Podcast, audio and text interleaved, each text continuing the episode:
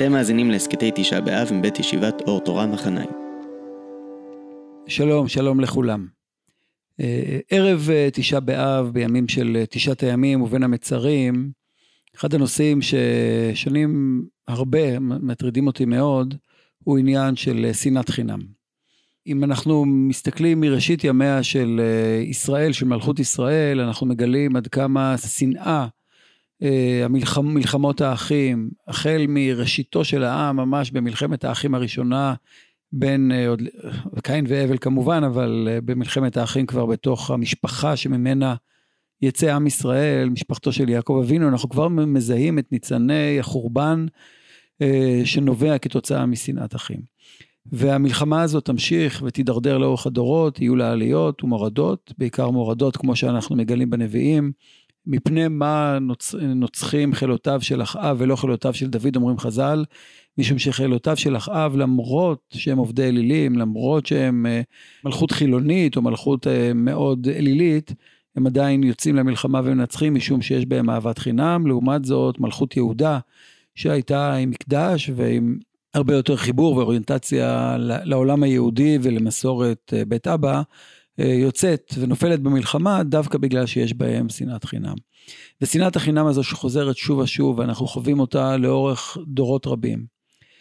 באיזשהו ניתוח הרב קוק מנתח את אה, שנאת החינם בעם ישראל כתוצאה מהסיפור של אלוהים אחד. תפיסה של אלוהים אחד, שיש אל אחד, ממילא גוזרת בעקבותיה תפיסה אנטי סובלנית. כלומר, ברגע שיש אל אחד, אז כל מי שקורא את, ה, את התנ"ך, את התורה, רואה שזה יוצר חוסר סובלנות כלפי כל מי שלא מאמין באל אחד. התורה כבר מראשיתה, וכלה בנביאים, ויש אפילו שטוענים שזה עיקרה של תורת ישראל, המאבק באלילות, עד כדי השמדת עמים שלמים, עד כדי יציאה למלחמה, להוריש את הארץ ולהוריש להוריש במובן של להסיר ולגרש ולהשחית כל סימן של עבודה זרה, ובקלות רבה מאוד אפשר להידרדר למה שאנחנו רואים היום, ולא רק היום, שכל מה שלא אני, כל מה שהוא אחר, כל מה שיש בו תפיסה אחרת של, של אמונה, של דת, הופך להיות אה, שנאת חינם, הופך להיות אה, עבודה זרה. וממילא ההכרזה הזאת של תורת ישראל כנגד עבודה זרה הופכת להיות, וכך גם אה, נראה בגמרא, גמרא שמספרת שאסור אה, אסור לקלל, אבל במקרים של כנגד עבודה זרה, כבר הנביא ישעיהו והנביא מיכה ידעו להגיד מילים קשות ומילים אפילו של קללה כנגד עובדי אלילים, אז בקלות רבה מאוד כבר הגמרא מציירת את ההידרדרות. אה, המשמעותית, כאשר בסופו של דבר לא צריך הרבה בשביל להיות עבוד, עבודה זרה, לא צריך פסלים ולא צריך הקרבת ילדים, מספיק לחשוב בדעה אחרת. לאורך כל הדורות, לא רק נביאי ישראל של התנ"ך, היו נביאים גם הרבה אחרי התנ"ך, לא קראנו להם נביאים לפעמים, קראנו להם אה, רוח הקודש, קראנו להם גדולי עולם, קראנו להם אה, אדמו"רים, קראנו להם צדיקים, קראנו להם בכל מיני שמות, קראנו להם בעלי שם טוב, אה, וכולם אה, טענו כנגד שנאת חינם. בדורות שלנו, שני, שניים מהוגי הדורות החשובים, כאשר הם מביטים על המאה ה-19, שהייתה מאה שלפעמים יש אנשים שמתגעגעים ואומרים פעם הכל היה טוב והיום הכל רע, לחזור למאה ה-19 ולקרוא את אה, מה שקורה שם, כמה שנאת חינם יש בעם ישראל, ששנאת החינם אה, שקורית היום במדינת ישראל ובעם היהודי מחווירה לעומתה, כאשר יהודים גם במקרה רצח הדדיים, גם בקיטוב איום ונורא, אה, גם בתהליכים של השפלה ברחוב וגם בתהליכים של פרידת משפחות בגלל שנאת החינם הזו, בגלל שהחסידות הזו והזרם הזה והכיפה הזו והבית הכנסת הזה והבגדים הללו וקשת שלמה של דברים שיצרה שנאת חינם שעליה יאמר ראש ישיבת וולוז'ין שאמר ושם לומד הרב קוק שמיד נדבר עליו בהקדמה שלו לספר אה, בראשית, ההקדמה המפורסמת, אומר הנציב שמדבר על שנאת החינם, מדבר על החובה שלנו להתגבר על שנאת החינם הזו, להפסיק להפריד את מה שלצערנו אה, עשו קצת לפניו, הרש"ר הירש אה, וזרם שלם בתוך עם ישראל שהפריד את הקהילות ויצר אה, דיכוטומיות ויצר שנאות לא פשוטות בכלל, שכמובן הרבה מהמאזינים עלולים, עלולים לומר לי עכשיו, כן, אבל זה לא היה חינם. כלומר, זו הייתה הסיבה לשנאה הזו, אבל כמובן, כשחז"ל מדברים על שנאת חינם, הם לא מדברים על זה שבני אדם שאומרים, בא לי לשנוא אותו, יאללה, למה לא נשנא אותו? הוא דווקא אחלה, רק בוא נשנא אותו. מה שחז"ל מתכוונים לומר, שכל שנאה שיש בה סיבה, היא, היא שנאת חינם. צריך לומר בסוגריים, כן, שגם אני מסכים, וגם ברור לי שהנביאים וחז"ל מסכימים, שיש מקומות שבהם יש מקום לשנאה, אבל היא לא שנאת חינם. יש מקום גם לשנאה, ואין מקום לשנאת חינם, וצריך לברר מה, להבחין בין השתיים. אבל ברור באותה מידה שברירת המחדל היא שכל שנאה היא שנאת חינם, אלא אם כן יש סיבה טובה מאוד אה, לשנוא. ויש שתי סיבות שאפשר בגללם, מי שקורא, מי שקורא את התנ"ך, יש שתי סיבות לשנוא שנאת אמת, והיא לא שנאת חינם. השנאה האחת היא משנאיך השם אשנא. כאשר אנשים מחללים שם שמיים, כאשר אנשים אה, פועלים אה, באופן שמייצג את הקדוש ברוך הוא באופן שלילי, באופן חסר מוסר, באופן שיש בו תועבות, באופן שיש בו מעשים שהם מעשים שליליים, לא מול הדת שלך, אלא מעשים שליליים שיש יש, יש קונצנזוס, שהם אוניברסליים. באופן אוניברסלי הם מקרי רצח ואונס. ו- ו- וזנות, ומקרים כגון אלו, שוודאי חכמי ישראל ותורת ישראל מדברים באופן, באופן נחרץ עליהם. זה פן אחד שאנחנו יכולים לומר שוודאי תורת ישראל אומרת, משנאיך השם אשנא.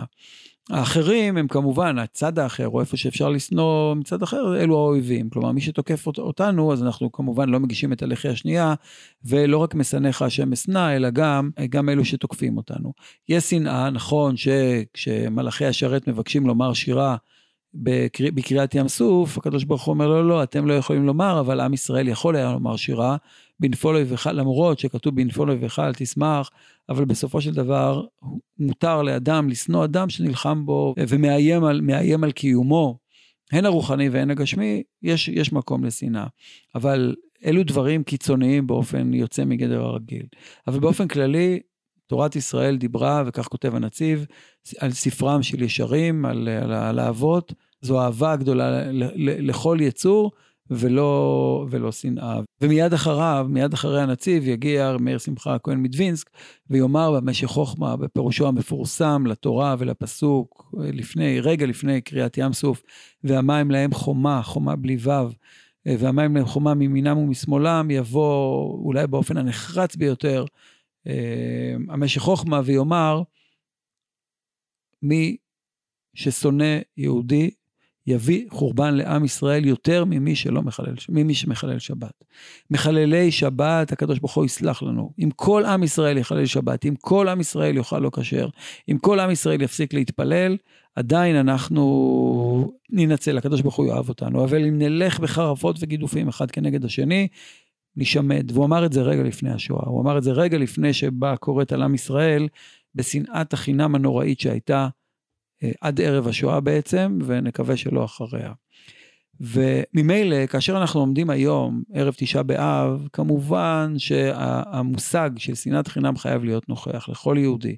חייבים להתגבר על שנאת החינם בינינו. אלא מה?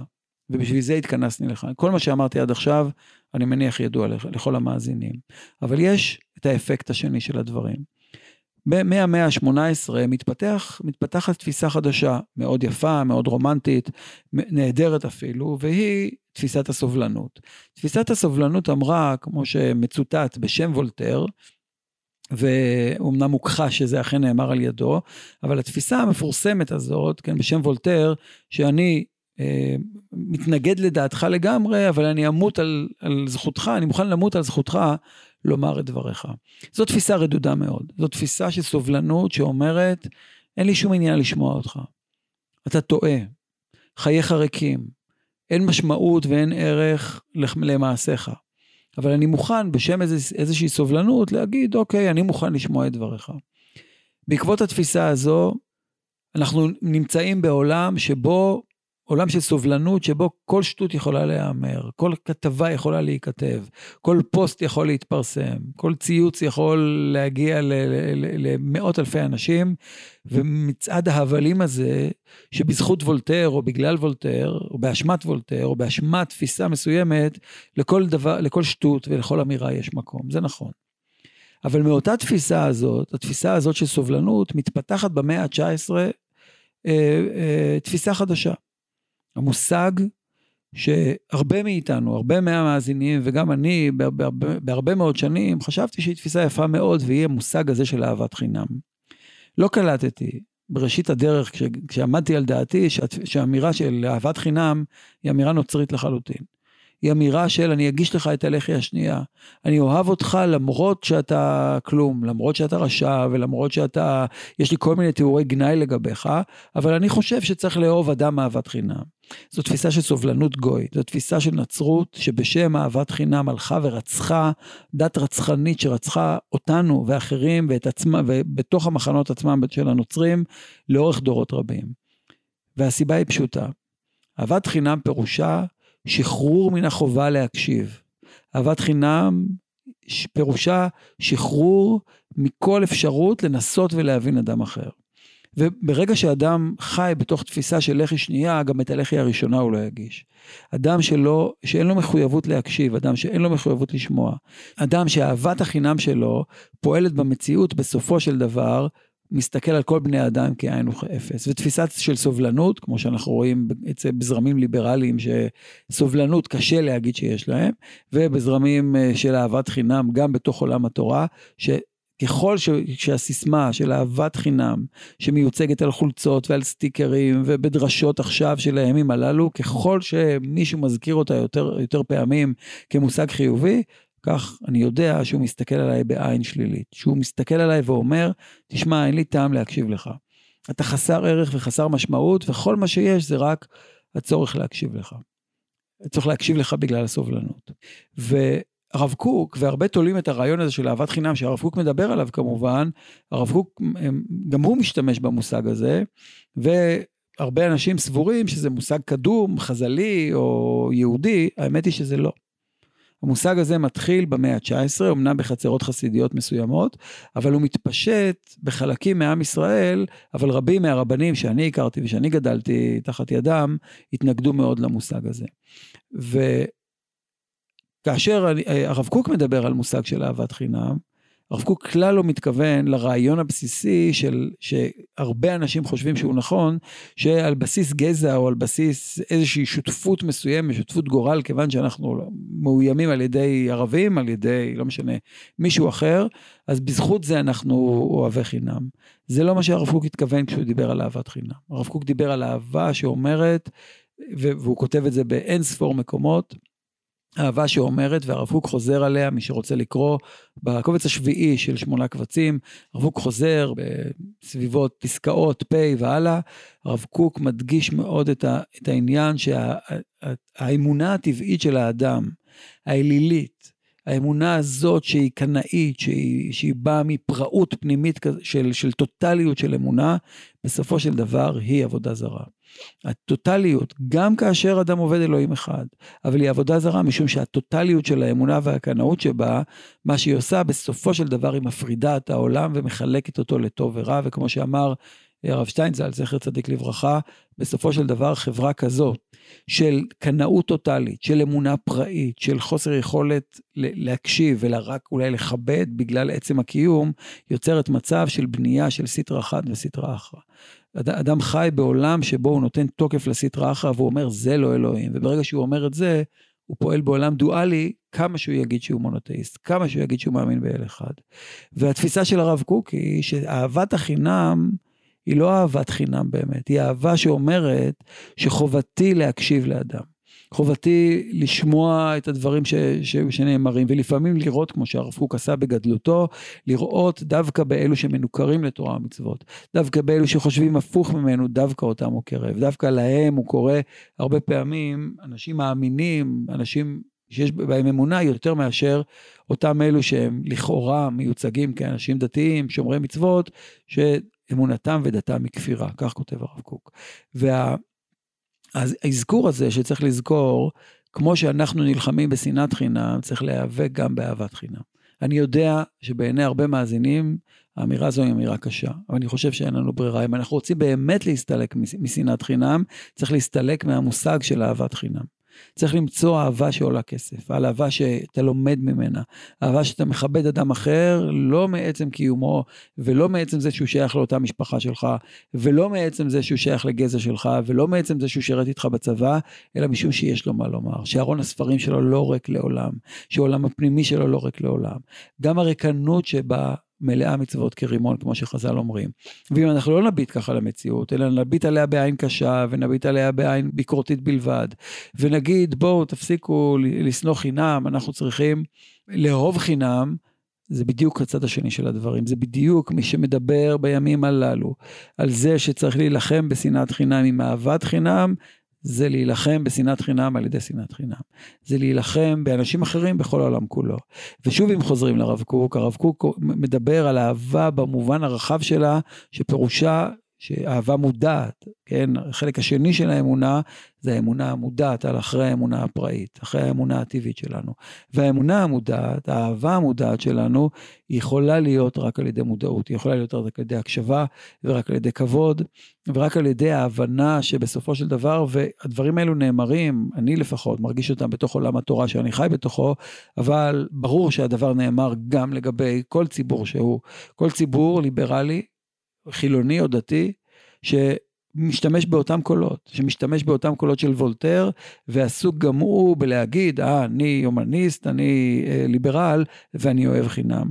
ולכן, בסופו של דבר, אנחנו רואים שגם בכוחות הליברליים, אנחנו רואים שגם בכוחות הפרוגרסיביים אפילו, שהרבה פעמים אנחנו, אני לפחות מתלונן עליהם, שאם אתם מדברים על פלורליזם, אז איפה הפלורליזם? איפה המקום לצד השני? זה נובע מאהבת חינם. זה נובע מאנשים שהפלורליזם שלהם, בדיוק כמו שהייתה הנצרות, בדיוק כמו שיש זרמים היום אורתודוקסים שעסוקים בזה, זה גורם ל... לחוסר אהבה, זה גורם לשנאה וקנאות והיפרדות, וזה אולי היום הסכנה הגדולה שבמסווה של אהבת חינם, אנחנו חיים בתוך עולם של שנאת חינם, ואותה צריך לתקן.